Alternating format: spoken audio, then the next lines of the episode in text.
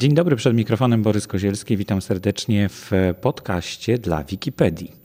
Dzisiaj spotykamy się w Poznaniu w, na Uniwersytecie Adama Mickiewicza i będziemy mówić o początkach tego uniwersytetu.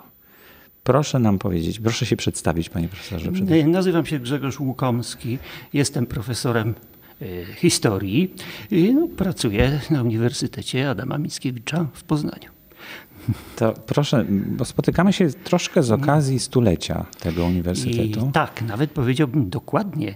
E, inaugurowaliśmy niedawno e, setny rok istnienia naszej alma mater. To jakie były początki w takim razie? Oj, początki były długie, droga była długa.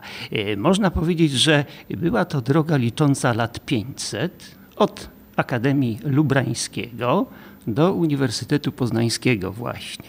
Przez te pięć wieków poznaniacy i w ogóle Wielkopolanie starali się o utworzenie w Poznaniu, w Grodzie nad Wartą y, Uniwersytetu. Y, no niestety różnie z tym bywało. Y, początki były świetne. W początkach XVI wieku biskup Jan Lubrański, y, który miał dobre kontakty, dobre koneksje z królem Zygmuntem Starym, wyjednał u niego przywilej na utworzenie w Poznaniu akademii.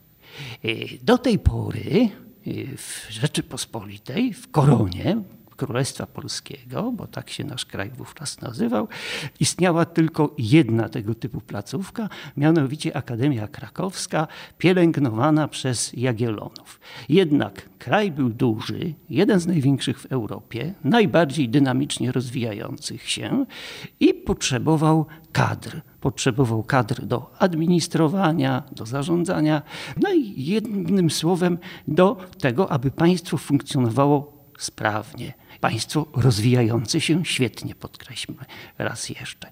Zatem y, biskup Jan Lubrański, biskup poznański, uzyskał ów przywilej ostatecznie 29 lipca 1519 roku i w związku z tym rozpoczął na Ostrowie Tumskim budowę stosownego gmachu. Gmach ten istnieje do dzisiaj, mieści się w nim tam archiwum archidecyzjalne, w głównych zarysach architektonicznych oczywiście, bo to było tam troszeczkę zmieniane.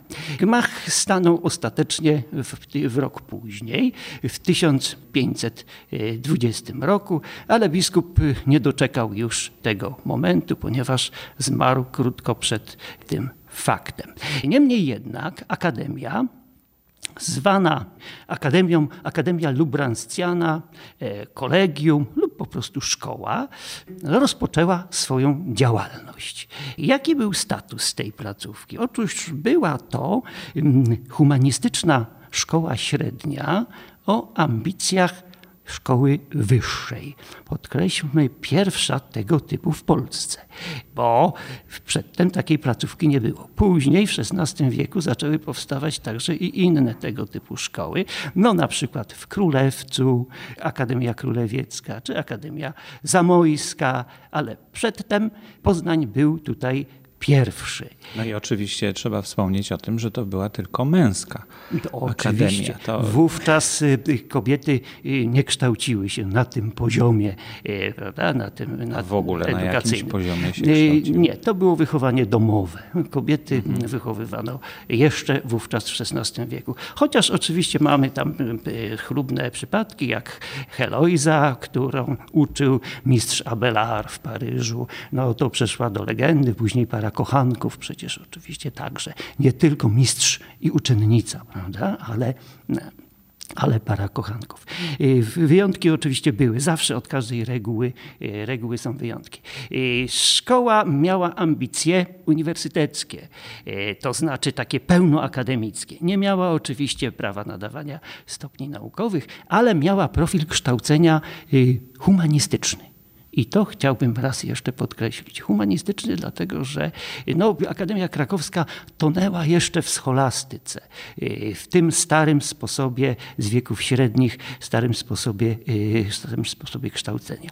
Wymieńmy kilka postaci związanych z tą szkołą. A więc następcy Jana Lubrańskiego, Piotr Tomicki na przykład, biskup Piotr Tomicki też bardzo starał się o to, aby ta szkoła funkcjonowała wspaniale. Zresztą przyznać trzeba, że do około 1570 roku tak właśnie było.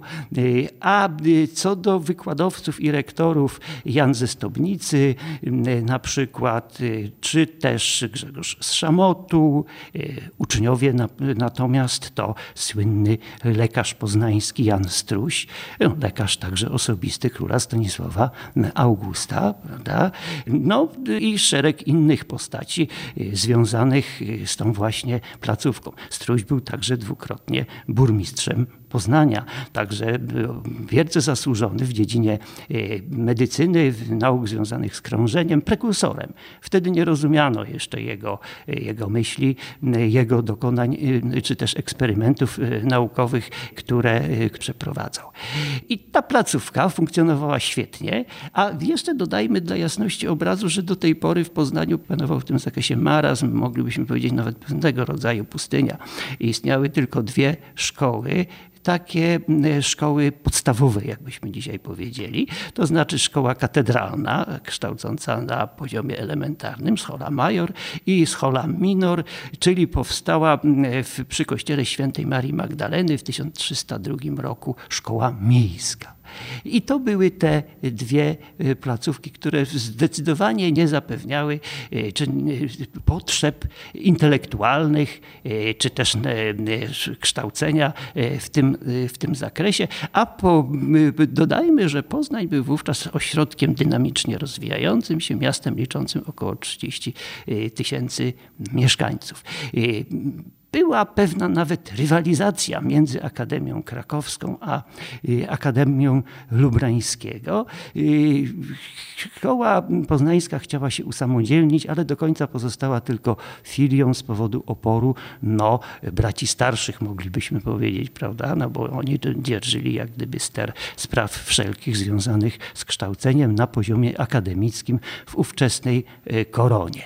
Drugą inicjatywą edukacyjną, która pojawiła pojawiła się wkrótce, związana była z przybyciem do Poznania jezuitów. Towarzystwo jezuickie sprowadził do Poznania biskup Adam Konarski biskup Adam Konarski. Przypomnijmy może jeszcze, że jezuici w ogóle do Polski przybyli za sprawą kardynała Stanisława Hozjusza w 1564 roku i od razu zaczęli od czego? Od tworzenia szkół, od tworzenia kolegiów, które nazywano kolegiami jezuickimi. Stworzono w sumie 12 takich placówek w Polsce, w tym jedną w Poznaniu. Jezuici przybyli do Poznania w 1571, a szkołę założyli w 1573, a więc dwa lata później. Warto wspomnieć, że system edukacyjny jezuitów był pierwszym ogólnoeuropejskim spójnym systemem edukacyjnym. Tworzono te placówki we wszystkich krajach katolickich w Europie y, no, na fali rywalizacji czy też walki y, z reformacją. Była to kontrreformacja. I ta oferta edukacyjna była bardzo nowoczesna. Mianowicie y, jezuici postanowili walczyć o umysły o rząd dusz po prostu, o umysły, o wiernych. I najlepiej było dotrzeć do młodego człowieka, a więc człowieka wykształconego e, właśnie w owych gimnazjach stworzonych przez e, zakon jezuitów. E, kształcono też, co było nowością, w językach narodowych. Oprócz tego, że oczywiście odbywały się zajęcia po łacinie, że greka, że hebrajski, to był oczywiście standard. Ale oprócz tego odbywały się także zajęcia w językach narodowych, co stanowiło dodatkową zachętę dla młodych synów z rodzin szlacheckich, a nie mających na przykład pieniędzy, żeby podjąć edukację poza krajem, bo było to przecież bardzo kosztowne i niewielu było e, na to, e, na to stać. Zatem placówka zaczęła funkcjonować w 1573 roku i od razu rozwijała się bardzo dynamicznie. Zyskała sobie sławę. Wówczas y, kolegia jezuickie rzeczywiście były na bardzo wysokim poziomie. Później oczywiście ten poziom spadł i w XVIII wieku to już był y, regres. Y, można powiedzieć, że wokół tych szkół powstał tak zwany czarny PR, że jest to kuźnia tego, no powiedzmy, takiego bardzo konserwatywnego katolicyzmu, kształt kształcenie, y, które nie cieszyło się już w wieku oświecenia, w XVIII wieku, takim wzięciem, takim zainteresowaniem, jak w wieku odrodzenia, w wieku, y, w wieku XVI. Już wyższe aspiracje były. Wyższe, zdecydowanie, tak, wyższe aspiracje. No i jezuici też mieli wyższe aspiracje. Mianowicie chcieli ze swojej placówki uczynić uniwersytet. Zaczęli zatem starania o to, aby w Poznaniu powstał uniwersytet. Dodajmy, że pierwszym rektorem kolegium jezuickiego był nie kto inny jak ksiądz Jakub Wujek jezuita mhm. pochodzący z Wągrowca, a później tłumacz, Wielkopolanin przecież, prawda? A później tłumacz y, no, fundamentalnej y, pracy, mianowicie Pisma Świętego Biblii na język polski, prawda? Z hieronimowej wulgaty, z łacińskiej wersji tego pisma. Wersja, która właściwie przetrwała do wieku XX, prawda? Przetrwała mhm. do wieku, w sensie kulturowym był to absolutny przełom. To też było związane z działalnością misyjną zakonu jezuitów. Zatem jezuici mieli też bardzo dobre koneksje na dworze królewskim, zwłaszcza króla Zygmunta III Wazy. Króla Zygmunta III Wazy, który nie ukrywał, że Towarzystwo Jezusowe jest no, mu bardzo bliskie. No, nawet w takiej koncepcji pewnej politycznej e, Polonia antemurale Christianitatis. E, Polska przed murzem chrześcijaństwa. Inaczej mówiąc, chodziło o to, aby rozszerzać wiarę chrześcijańską także na wschód Europy, prawda? Na mhm. Rosję. Stąd później te wojny, Dymitriady i tak dalej. Wątek na zupełnie inną historię. E, wspominam to tylko niejako, e, niejako ubocznie. Otóż Collegium Societatis Jezu, bo tak się oficjalnie nazywała ta szkoła, e, zamierzano przekształcić w uniwersytet. I rzeczywiście król Zygmunt III Waza wydał taki przywilej. A czyli... Uniwersytet Jagielloński tak, już był wtedy? Tak, nie. Uniwersytet Jagiel... Nazwa Uniwersytet Jagielloński pochodzi z początków XVIII, XIX wieku. Z początku... Y, y, y, czyli to były takie pionierskie działania, tak, oczywiście. Chodzi o Chodziło o taką uczelnię Universitas, prawda? Taką wspólnotę w nawiązaniu oczywiście do, do wieków średnich też, prawda? No bo Universitas to wspólnota studentów i profesorów. A samo słowo uniwersytet? Universitas właśnie wspólnota mhm. wspólnota studentów i nauczycieli. No, w średnich wiekach średnich istniały też oczywiście inne wspólnoty, wspólnoty e, zakonne i tak dalej. Natomiast wspólnota uczonych i studentów była taką szczególną wspólnotą, też cieszącą się wspaniałą autonomią. E, ośrodki akademickie, do ośrodków akademickich właściwie władcy nawet nie mieli wstępu bez zgody, e, bez zgody właścicieli, prawda? bez zgody tam rektora, czy bez zgody właściciela danej uczelni, czyli na przykład przykład e, biskupa, e, bo zwykle podlegało to danemu, e, danemu biskupstwu edukacja wówczas. Zatem ową zgodę wyjednali jezuici w 1611 roku w październiku uzyskano taką zgodę. Ale niestety nie było konsensusu na linii Poznania z Krakowem. To znaczy napotkano na opór profesorów Akademii krakowskiej, którzy upatrywali w tym po prostu konkurencję. No tak. prawda? Bo to jak w każdej dziedzinie ludzkiej działalności jest zawsze konkurencja. Każdy obszar naszych działań to przecież konkurencja, prawda? Mm -hmm. która nie śpi. No i mimo... Ale wpływa też e, pobudzająco. Jak najbardziej. Jak najbardziej. Bez konkurencji nie byłoby wolnego rynku. I rozwoju. Przykład, prawda? I jakiegokolwiek rozwoju, bo tak natura ludzka jest taka, jak nie mielibyśmy konkurencji, to po prostu popadlibyśmy w marazm, zastój, a potem i regres. Tak to wszystko, e, tak to wszystko przebiega. Zatem mimo przywileju królewskiego, mimo uchwały sejmowej, no niestety zwolennicy, też przeciwnicy Uniwersytetu w Poznaniu zaczęli szukać pomocy e, gdzie indziej, no u władz wyższych za granicą, u samego papieża. Paweł V Ostatecznie w dwa lata później, w listopadzie 1613 roku, unieważnił przywilej królewski. Ale możemy powiedzieć, że ten epizod, efemeryda dwuletnia, jednak jakoś tam w Poznaniu zafunkcjonowała. Prawda? Jako swoista konkurencja, no konkurencja to jeszcze może za dużo powiedziane, ale oczywiście pewna e, alternatywa edukacyjna e, na obszarze Rzeczypospolitej obojga narodów. Po, po Unii e, Lubelskiej w 1569 była to Rzeczpospolita obojga narodów, czyli Polska i Litwa. Jezuici nie spoczęli, drążyli, możemy nawet powiedzieć kolokwialnie, temat, czyli starali się w ciągu następnych lat u kolejnych władców o ten przywilej pozwalający im podnieść Kolegium Societatis Jezu do rangi e, uniwersytetu. I między innymi u króla Jana Kazimierza w 1650 roku taki przywilej uzyskano, który potem oczywiście też wobec sprzeciwu Akademii Krakowskiej został cofnięty. Po raz trzeci, za czasów Jana III Sobieskiego, e, Jan III Sobieski wydał zgodę na utworzenie w 1678 roku na utworzenie dwóch wydziałów, Wydziału Teologicznego i Wydziału Humanistycznego. I ten przywilej też musiał cofnąć w kilka lat później pod naciskiem zewnętrznym, dokładnie w 1685 roku. Zatem starania jezuitów o utworzenie tej właśnie uniwersyteckiej placówki w Poznaniu spełzły na niczym. Do trzech razy sztuka do, się nie udało. Tak, do trzech razy sztuka. I, ale tymczasem zaszły oczywiście pewne zmiany w Europie. Po wojnie trzydziestoletniej w 1648 roku, pokój westfalski, Europa została podzielona e, na dwie polityczne części. Na Europę katolicką, związaną z tradycyjnym prawda, nurtem e, katolicyzmu i, i tym reformatorskim, protestanckim po drugiej stronie barykady. Kolegia jezuickie przestały cieszyć się już takim zainteresowaniem edukacyjnym, chociaż podkreślmy, była to pierwsza europejska, ogólnoeuropejska inicjatywa edukacyjna i w tym bym upatrywał największy walor tych kolegiów jezuickich, bo one naprawdę tworzyły z nas Europejczyków unifikowały wiedzę i naukę na poziomie średnim w stopniu, jakim dotąd y, nie miało to miejsca. I to, był naprawdę, to była naprawdę wielka zaleta.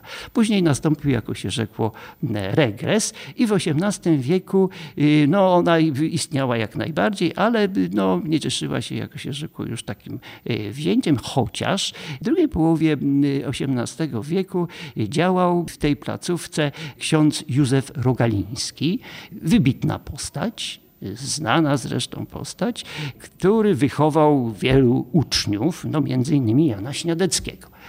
Specjalizował się w matematyce i w astronomii, sprowadził za pośrednictwem i z życzliwością Marii Leszczyńskiej z Paryża, z Francji najnowocześniejsze przyrządy astronomiczne, fizyczne, stworzył wspaniałe, e, wspaniałą pracownię i laboratorium. Działało to wszystko w drugiej połowie XVIII wieku, tuż przed kasatą zakonu jezuitów w 1773 roku.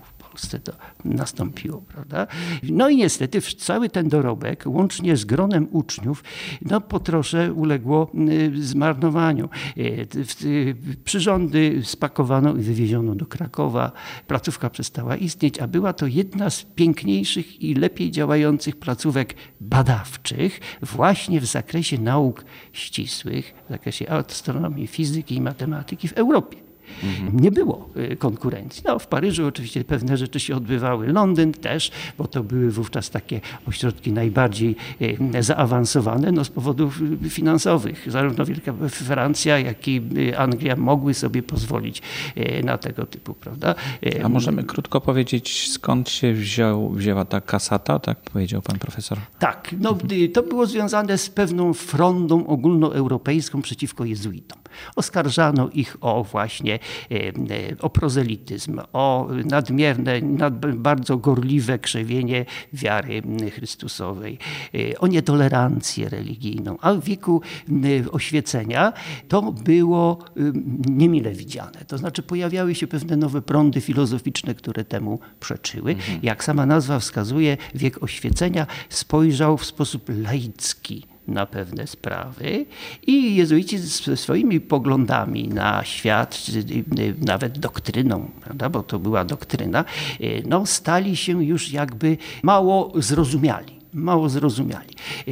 To był wiek rozumu, ratio, prawda? Łacińskie ratio. I wielu filozofów francuskich, także polskich, przecież e, angielskich, e, propagowało inne myśli, inne idee i to było właściwie kresem istnienia takiej formy edukacyjnej dosyć konserwatywnej, ale mhm. jedno trzeba przyznać, że w zakresie kształcenia na przykład humanistycznego i językowego to było y, naprawdę mistrzostwo. To było mistrzostwo.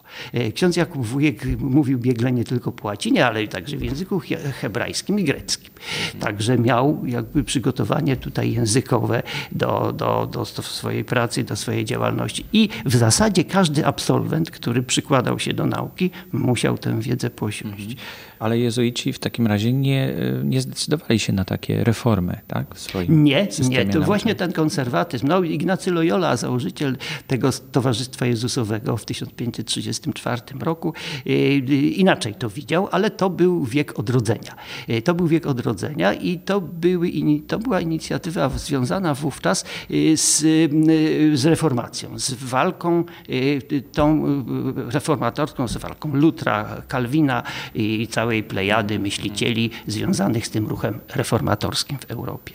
E, I wówczas to się sprawdzało, e, bo to było twórcze. Natomiast w XVIII wieku stało się już niestety anachronizmem. A coś w zamian dostaliśmy zamiast tych szkół e, Tak, jezuitów? oczywiście. Od, Komisja Edukacji Narodowej właśnie w 1773 roku, no, zwykle chwalona przez nas, prawda, z powodów reform, reformy, którą stworzyła Hugo Kołłątaj, zwłaszcza zwłaszcza bardzo aktywny mhm. zwolennik unowocześnienia systemu edukacyjnego w Polsce e, i przeciwnik jezuitów i zdecydowany przeciwnik kształcenia jezuickiego. Poznaniowi jednak nie zaoferowano wiele. Poznań stracił na reformach Komisji Edukacji Narodowej. Stworzono dwie szkoły główne koronne, które miały kształcić. To były szkoły raczej o profilu świeckim, no, to nie znaczy, że nie, oczywiście nie, nauk teologicznych ta nie, nie wykłada. Jedna w Warszawie, a druga w Wilnie. Poznaniacy starali się, aby trzecia szkoła koronna powstała w Poznaniu. Niestety tak się nie stało. Zamiast tego stworzono taką szkołę sześcioklasową wydziałową, która była tylko filią właściwie szkoły koronnej krakowskiej. I później w 1780 roku ostatecznie utworzono tak zwaną Szkołę Narodową. Właśnie Szkołę Narodową jako filię e, Akademii Krakowskiej. Z tej Szkoły Narodowej, z tego nurtu edukacyjnego później wywodzi się na przykład Gimnazjum Świętej Marii Magdaleny, które zresztą nazwę swoją także zapożyczyło z tej, e, jest prostą kontynuacją tej szkoły miejskiej przy kościele Ad Sanctam Mariam Magdalena w 1000 302 roku, o której wspomniano. Mhm. I, I, tak to było w, w roku, do roku 1780. Zatem powtórzmy raz jeszcze. Na reformach Komisji Edukacji Narodowej Poznań stracił. Zdecydowanie stracił. Staliśmy się edukacyjną prowincją, kształciliśmy na potrzeby innych regionów, zamiast na potrzeby swojego regionu i swojego miasta. Poznaniacy znów mieli daleko do e, tego, żeby się kształcić. Albo na, na inne, odwiedzano inne placówki w innych krajach, albo też dążono do Krakowa, który też zresztą przeżywał wówczas e, kryzys. Akademia Krakowska przeżywała wówczas kryzys związany no właśnie z tym ogólnym, e, ogólnymi tendencjami oświeceniowymi. A wkrótce nastąpił upadek państwa, czyli zabory, dla Wielkopolan był to rok 1793, a więc o dwa lata wcześniej niż przyjmuje się dla całego kraju. Prawda? My mieliśmy okupantów, zaborców o dwa lata wcześniej. Wielkopolska znalazła się w granicach Prus już w 1793 roku. No i wówczas y, y, nowe władze pruskie no, ani myślały o tym, żeby w Poznaniu utworzyć y, placówkę edukacyjną na wyższym poziomie kształcenia, chociaż zabiegano o to na sejmach krajowych, bo takowe były. To były sejmy, które, no, które grupowały właśnie no, między innymi ludność lokalną, między innymi ludność polską, gdzie można było no, swoje tam sprawy lokalne załatwiać, a także petycje do króla pruskiego w różnych kwestiach. I tworzono, starano się właśnie o to, żeby w Poznaniu utworzyć uniwersytet. Pierwszą taką inicjatywę na Sejmie Krajowym w 1827 roku zaprezentował poseł e, z ziemi średzkiej Hieronim Zakrzewski. E, inicjatywa spotkała się ze zdecydowaną odmową władz pruskich, y, władz berlińskich.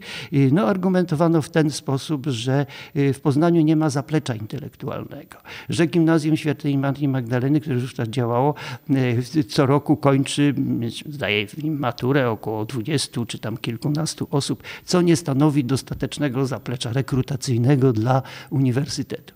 Poza tym argumentowano, że taka placówka bardziej dzieliłaby obie społeczności, czyli tą napływającą niemiecką i nas, miejscowych, prawda, Polaków, a zamiast integrować. Y, chciano nas integrować, y, czytajmy, asymilować tak naprawdę. A więc y, Wielkopolanie i Poznaniacy skazani zostali na to, aby po prostu w celu podniesienia swojego poziomu intelektualnego, w celu odbycia studiów wyższych, wyjeżdżać poza e, granice kraju do innych uniwersytetów niemieckich. To znaczy wtedy można było studiować nie mając matury?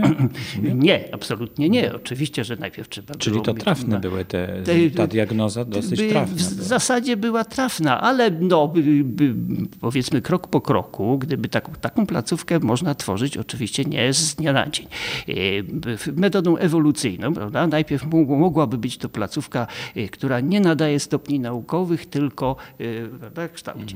I, I ewolucyjnie rozwijać. To oczywiście było, m, byłoby możliwe.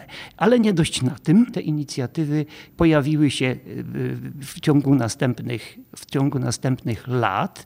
Y, No między innymi y, najbardziej po roku 1848 o okresie wiosny ludów y, i pewnych, po pewnych zmianach, które w związku z tym nastąpiły także w państwie pruskim. No między innymi powołano parlament, czyli Sejm pruski, gdzie swoją reprezentację mieli także Polacy i mogli na forum tego parlamentu, jako własne samodzielne koło parlamentarne polskie, swoje problemy przedstawiać y, no, w samym Berlinie. Także to już była pewna wartość dodana, bo można było o tym mówić na forum ogólnopaństwowym, a nie tylko lokalnie na Sejmie, e, Sejmie Krajowym. I rzeczywiście takie inicjatywy zaczęto podejmować. Y, Jednym z prekursorów takich działań był August Cieszkowski znany e, wielkopolski myśliciel, filozof, e, pisarz, e, niezmiernie zasłużony dla rozwoju polskości, dla walki z powiedzmy zalewem Niemczyzny, z germanizacją i tak dalej.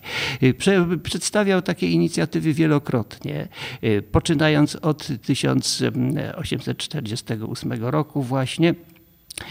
Ostatnią taką inicjatywę przedstawił w kilkanaście lat później, y, bo w 1861 roku. Mimo poparcia swoich kolegów, m.in. Karola Libelta, y, Jędrzeja Moraczewskiego i paru innych znanych postaci wielkopolskich, władze pruskie ciągle odpowiadały, argumentacja była podobna. To znaczy nie chciano po prostu utworzyć tej uczelni y, w Poznaniu, obawiano się tego i te argumenty, które wymieniłem, były tutaj jakby podstawowymi przeciwwskazaniami, nazwijmy to, e, związanymi z e, uczelnią. Tymczasem w samym Poznaniu ci sami ludzie, którzy starali się na forum parlamentu niemieckiego e, no, działać w, w zakresie utworzenia w Poznaniu wyższej uczelni, starali się tworzyć pewne inicjatywy edukacyjne takie e, mniej sformalizowane, e, a możliwe. To znaczy tworzono pewien system cyklicznych wykładów, wykładów naukowych, Między innymi Karol Libelt i Jędrzej Moraczewski podjęli taki cykl w latach 1841-43 w Pałacu Działyńskich. Przez dwa lata odbywały się wykłady naukowe, na które zapraszano profesorów, no głównie z Krakowa, ale też z Lwowa, czyli z Galicji, tam gdzie można było, no, te placówki naukowe mogły działać i miały pewną autonomię polskość, język polski, polska kultura, polska historia. Przyjeżdżali zatem do Poznania, e, odbywali te wykłady. No i była to pewna namiastka kontaktu ze światem naukowym. E, no, ale to była niestety tylko namiastka. Taki cykl wykładów u schyłku wieku w 1898 przez 10 lat e, podjął Bernard Chrzanowski twórca Narodowej Demokracji w Poznaniu, postać też wybitna, członek właściwie niemal wszystkich ówcześnie działających polskich organizacji. Przez 10 lat w bazarze w okresie jesienno-zimowym odbywał właśnie tego typu zajęcia. Zapraszał też ze środowisk galicyjskich profesorów, wybitnych profesorów Polaków, którzy przyjeżdżali i prezentowali różne dziedziny i zagadnienia. No i to odbywało się oczywiście i to było możliwe. I to było możliwe. Co jeszcze było możliwe? Powstało w 1857 roku, dokładnie 12 stycznia, Poznańskie Towarzystwo Przyjaciół Nauk, czyli Towarzystwo Przyjaciół Nauk w Poznaniu, jak nazwano mhm. tę placówkę. To wszystko w takich ramach trochę opierania się germanizacji, o, prawda? Dokładnie mhm. tak. Wszystko to było związane z pewnym nurtem yy, przeciwstawiającym się różnym formom germanizacji, a powiedzmy od razu, że te formy były germanizacyjne były coraz bardziej zróżnicowane coraz bardziej wyrafinowane i mówiąc obrazowo, pętla wokół polskości zaciskała się coraz bardziej.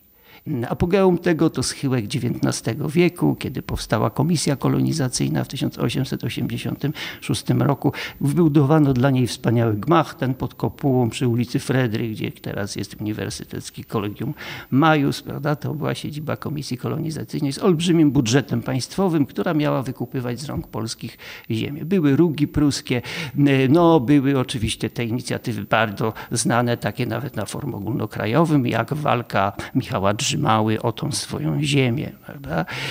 etc. To są wątki na osobne wykłady, na osobne zajęcia. Teraz wspomnijmy no tak, tylko, to... że mhm. Y, wiązało się to ściśle z, z, nauką, z inicjatywami edukacyjnymi, z tworzeniem środowiska y, intelektualnego, pewnego takiego zaplecza intelektualnego. Bo Polacy, y, Polacy w zaborze pruskim, poznaniacy musieli po prostu, chcąc zdobywać wiedzę na poziomie wyższym, musieli wyjeżdżać do uniwersytetów niemieckich lub austriackich, bo to było najprościej. Po maturze uzyskali uzyskiwanej w języku niemieckim. No cóż, pozostawały studia na Uniwersytecie e, w Berlinie, czy też w Wiedniu, czy w jakiejkolwiek innej placówce, gdzie to było po prostu prostsze. Osiągano tam wspaniałe wyniki, byli to często uczeni później światowej miary, światowej klasy. E, czasem Czasem podejmowali pracę tam, gdzie było można, czyli w Krakowie czy w Lwowie, a później dopiero w okresie II Rzeczypospolitej wielu z nich wracało do Poznania jako tacy emigranci. No, w Poznaniu też powstał uniwersytet, ale o tym, o tym za chwilę. Zatem Poznańskie Towarzystwo Przyjaciół Nauk to była taka kuźnia pewna kuźnia kadr. To było towarzystwo, które, którego struktura wewnętrzna to pewne dziedziny, obszary wiedzy. Prawda? Komisja humanistyczna, komisja matematyczno-przyrodnicza, etc. Y, wybitni poznaniacy, wybitni działacze poznańscy, y, tacy, którzy zasłużyli się na polu wielu inicjatyw społecznych, tworzyli to y, towarzystwo, byli członkami tego towarzystwa i tam uprawiano naukę. Tam można było uprawiać naukę, no ale też tylko w ograniczonym zakresie. Przecież towarzystwo e, nie mogło nadawać stopni naukowych. Niemniej jednak pisano prace naukowe, publikowano, starano się tworzyć wiele i z tego właśnie towarzystwa e, z czasem e, narodziła się inicjatywa powołania Uniwersytetu, powołania Uniwersytetu w Poznaniu. Z tego towarzystwa przedtem jeszcze zrodziło się Towarzystwo Wykładów Naukowych w 1913 roku, a więc już u schyłku zaborów, przed wybuchem Wielkiej Wojny. I to właśnie towarzystwo podjęło też systematyczny trud związany z cyklem wykładów na poziomie uniwersyteckim. Działali wówczas w tym okresie już tacy ludzie jak Heliodor Święcicki, Józef Kostrzewski, Michał Sobeski, ksiądz Stanisław Kozierowski. Nie bez powodu wymieniam te właśnie nazwiska. Heliodor Święcicki, lekarz, wybitny lekarz ginekolog, był wówczas prezesem Towarzystwa Przyjaciół Nauk w Poznaniu. Zresztą pełnił tę funkcję przez szereg lat wespół ze swoimi kolegami. Już inicjatywa właściwie pojawiła się już w okresie schyłku Wielkiej Wojny, bo tak wówczas nazywano wojnę, pierwszą wojnę światową, bo nikt nie wiedział, że wybuchnie druga, więc pamiętajmy, że była to Wielka Wojna. No i gdy to stało się możliwe, u schyłku 1918 roku, dokładnie 11 listopada, 1918 roku, a więc w dniu, w którym e, na froncie zachodnim, w parku Compiègne pod Paryżem, e, Niemcy podpisały rozejm prawda, z wojskami alianckimi, sali posiedzeń Towarzystwa Przyjaciół Nauk przy ulicy Mielżyńskiego. Wówczas była to Wiktoria Strasse, ulica Wiktoria Strasse, nie, ulica Seweryna Mielżyńskiego. A więc w tejże sali posiedzeń odbyło się pierwsze posiedzenie Komisji Organizacyjnej Uniwersytetu Polskiego w Poznaniu. Tak się oficjalnie ta e, komisja nazywała. E, komisja podjęła e, uchwałę o utworzeniu o sta podjęciu starań o utworzenie e, Uniwersytetu w Poznaniu. Członkowie tej komisji to właśnie te cztery nazwiska, które wymieniłem, więc Heliodor Święcicki, e, Józef Kostrzewski, archeolog, zresztą wówczas już doktor habilitowany, Michał Sobeski, filozof, też doktor habilitowany, no i ksiądz Stanisław Kozierowski, wybitny językoznawca, onomasta, etc. Także wszystko to były postacie posiadające już znaczący dorobek naukowy. No i wkrótce wybuchło powstanie, e, powstanie wielkopolskie. Ale przedtem jeszcze w dniach od 3 do 5 grudnia 1918 roku odbył się w Poznaniu tak zwany Sejm Dzielnicowy, czyli zjazd przedstawicieli dzielnicy pruskiej, prawda? czyli wszystkich tych ziem e, zabranych, Wielkopolski, Pomorza e, i Śląska. I na tym, że właśnie forum po raz pierwszy publicznie podjęto uchwałę, z inicjatywy Związku Akademików Polaków, czyli tych studentów, którzy studiowali poza granicami kraju, że w Poznaniu e, powstanie uniwersytet. E, po tylu latach starań nastąpił wreszcie ten dzień, o którym można było powiedzieć, że jest to wielki dzień. 5 grudnia dokładnie. Później przez dwa tygodnie jeszcze trwały dyskusje, bo w łonie Komisariatu Naczelnej Rady Ludowej, czyli tej najwyższej władzy politycznej wówczas w Wielkopolsce, pojawił się pomysł, aby ten uniwersytet powstał w Gdańsku. Starano się wówczas bardzo usilnie na forum międzynarodowym, zwłaszcza w Paryżu, o to, żeby no, Gdańsk i całe Pomorze przyłączyć do Polski. Wkrótce zresztą rozpoczęła się konferencja pokojowa w Paryżu 18 stycznia 1919 roku. Poznaniacy zresztą mieli za sprawą Romana Dmowskiego i całej tej koncepcji narodowo-demokratycznej, Poznań był narodowo-demokratyczny, co mieli bardzo dobre relacje i stosunki z Komitetem Narodowym polskim Romana Dmowskiego w Paryżu. Były wówczas jeszcze realne polityczne szanse na to, żeby Gdańsk stał się polskim miastem. No później niestety stało się inaczej. I, I, zamierzano przez chwilę, przez dwa tygodnie funkcjonowała koncepcja, żeby starać się Uniwersytet w Poznaniu. No niemniej jednak wobec stanowczej postawy Komisji Organizacyjnej Uniwersytetu Polskiego w Poznaniu ostatecznie 19 grudnia zwyciężyła myśl, aby utworzyć uniwersytet y, w Poznaniu. Komisja odbyła szereg posiedzeń, no w sumie 26, z tego jeszcze w 18 roku 7.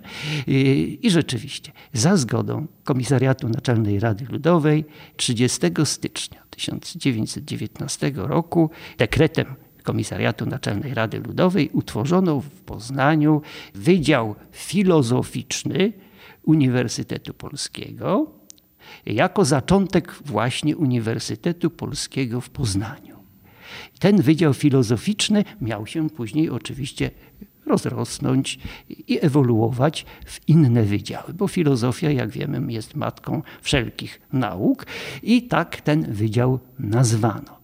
E, ostatecznie wydział ten się ukonstytuował dzięki staraniom członków komisji, no właśnie zaczęli wracać do Poznania emigranci z różnych innych ośrodków.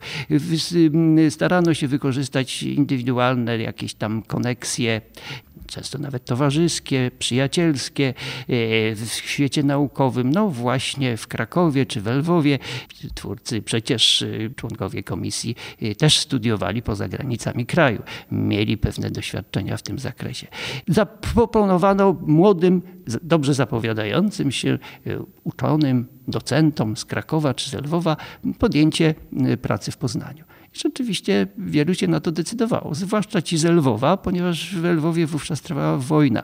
Na Ukrainie, e, na Galicji Wschodniej trwała wówczas wojna polsko-ukraińska i często pod wpływem właśnie działań wojennych i niebezpieczeństwa z tego wynikającego podejmowano decyzję o przeprowadzce do Poznania. Pozyskano odpowiednie zatem grono uczonych, chociaż byli to młodzi uczeni, podkreślmy, młodzi uczeni, którzy dopiero rozpoczynali swoją pracę naukową, ale już byli to samodzielni pracownicy nauki, czyli doktorzy habilitowani. Ostatecznie pierwsze posiedzenie Wydziału Filozoficznego odbyło się 4 kwietnia i wówczas ukonstytuowało się to gremium. Pierwszym dziekanem Wydziału Filozoficznego został Michał Sobeski, zresztą wkrótce mianowano go profesorem nadzwyczajnym, podobnie jak Heliodora Święcickiego i Józefa, Józefa Kostrzewskiego ustalono, postanowiono, że uroczysta inauguracja uniwersytetu nastąpi 7 maja 1919 roku, a zajęcia dydaktyczne miały się rozpocząć 12 maja. I tak się też stało. Uroczysta inauguracja odbyła się e, w zamku w sali tronowej Wilhelma II, więc to też jest pewien symbol, prawda? Był to zamek wybudowany i no, rezydencja Wilhelma II, ostatniego cesarza niemieckiego. Prawda? Przedtem dzień ten uroczysty rozpoczął się na Ostrowie Tumskim, uroczystym nabożeństwem o 9.30 w katedrze. Celebrował to ksiądz prymas Edmund Dalbor, a kazanie wygłosił ksiądz kanonik Stanisław Łukomski, który zresztą z ramienia Komisariatu Naczelnej Rady Ludowej był takim łącznikiem pomiędzy komisariatem a komisją organizacyjną. Był takim decernentem do spraw nauki i wychowania. Wielkie zasługi w tym zakresie poczynił. Potem pieszo odbył się uroczysty pochód z Ostrowa Tumskiego do zamku. No, jak wiemy, jest to odcinek drogi bardzo długi. I y, auta po drodze nie przesłaniały przejścia, bo nie było wtedy jeszcze prawda, tych samochodów. Tyle co teraz. Zatem uroczysty pochód do zamku, gdzie rozpoczęła się uroczysta y, inauguracja. No, liczne grono profesorów i oficjeli zaproszonych, minister wyznań religijnych i oświecenia publicznego, Jan Łukasiewicz, rektorzy innych polskich uczelni, prezes Polskiej Akademii Umiejętności z Krakowa, no oczywiście wszyscy przedstawiciele Komisariatu Naczelnej Rady Ludowej. Zaczął mm, swoje wystąpienie, mm, uroczystość zaczęła się wystąpieniem mm, księdza prymasa Dalbora, później przedstawiciel Komisariatu Naczelnej Rady Ludowej Adam Poszwiński, no i trzeci z kolei wystąpił Heliodor Święcicki jako pierwszy rektor uniwersytetu.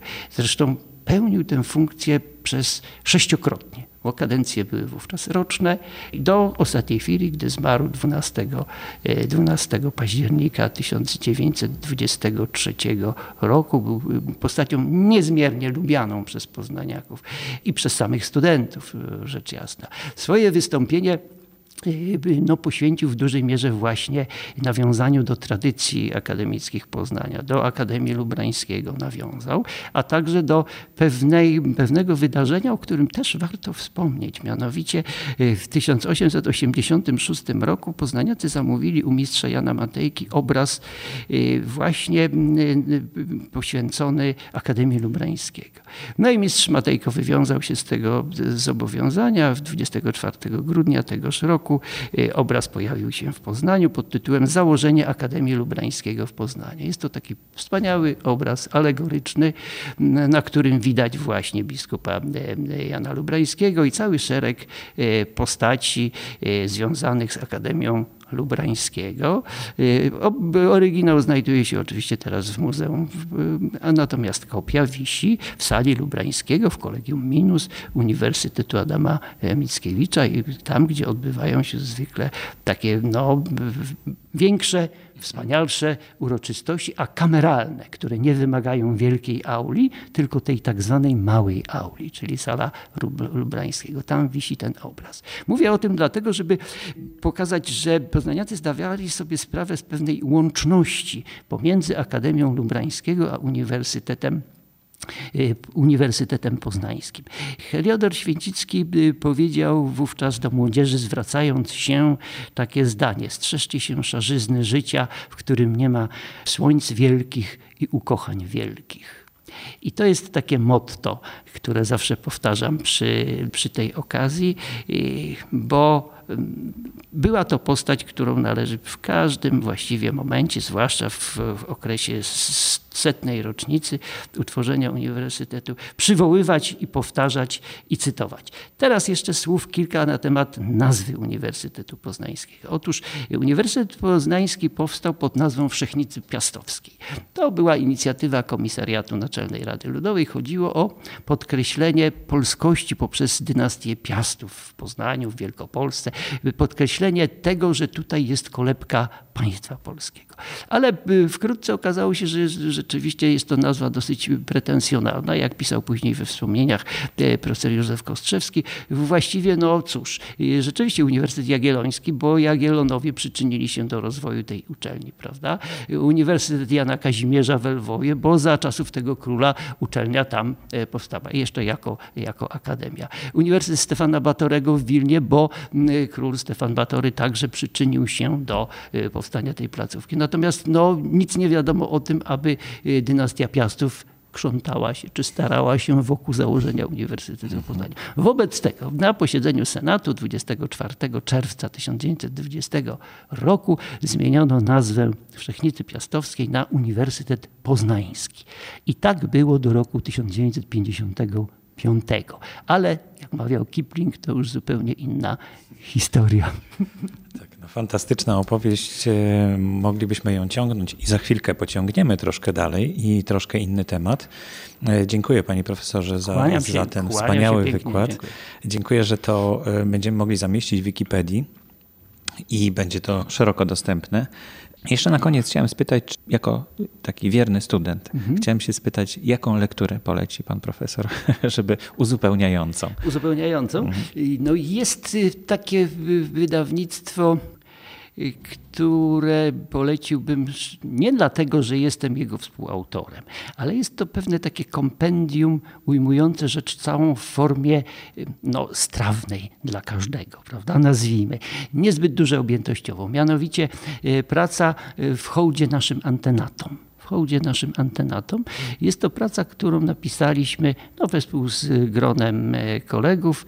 E, wydaliśmy w 2004 roku na 85. rocznicę Uniwersytetu e, naszego poznańskiego i myślę, że to jest dobra rzecz, od której warto zacząć, bo jest szereg prac o uniwersytecie, ale by rzecz całą tak właśnie ująć i zainteresować się problemem, to chyba właśnie to. A więc w hołdzie naszym antenatom od Akademii Lubańskiego do Uniwersytetu Poznańskiego. Cała droga do uniwersytetu, moglibyśmy powiedzieć. Świetnie. Dziękuję bardzo. Oczywiście w notatkach do audycji będzie zamieszczony link mhm. do, do tej pozycji. Mhm.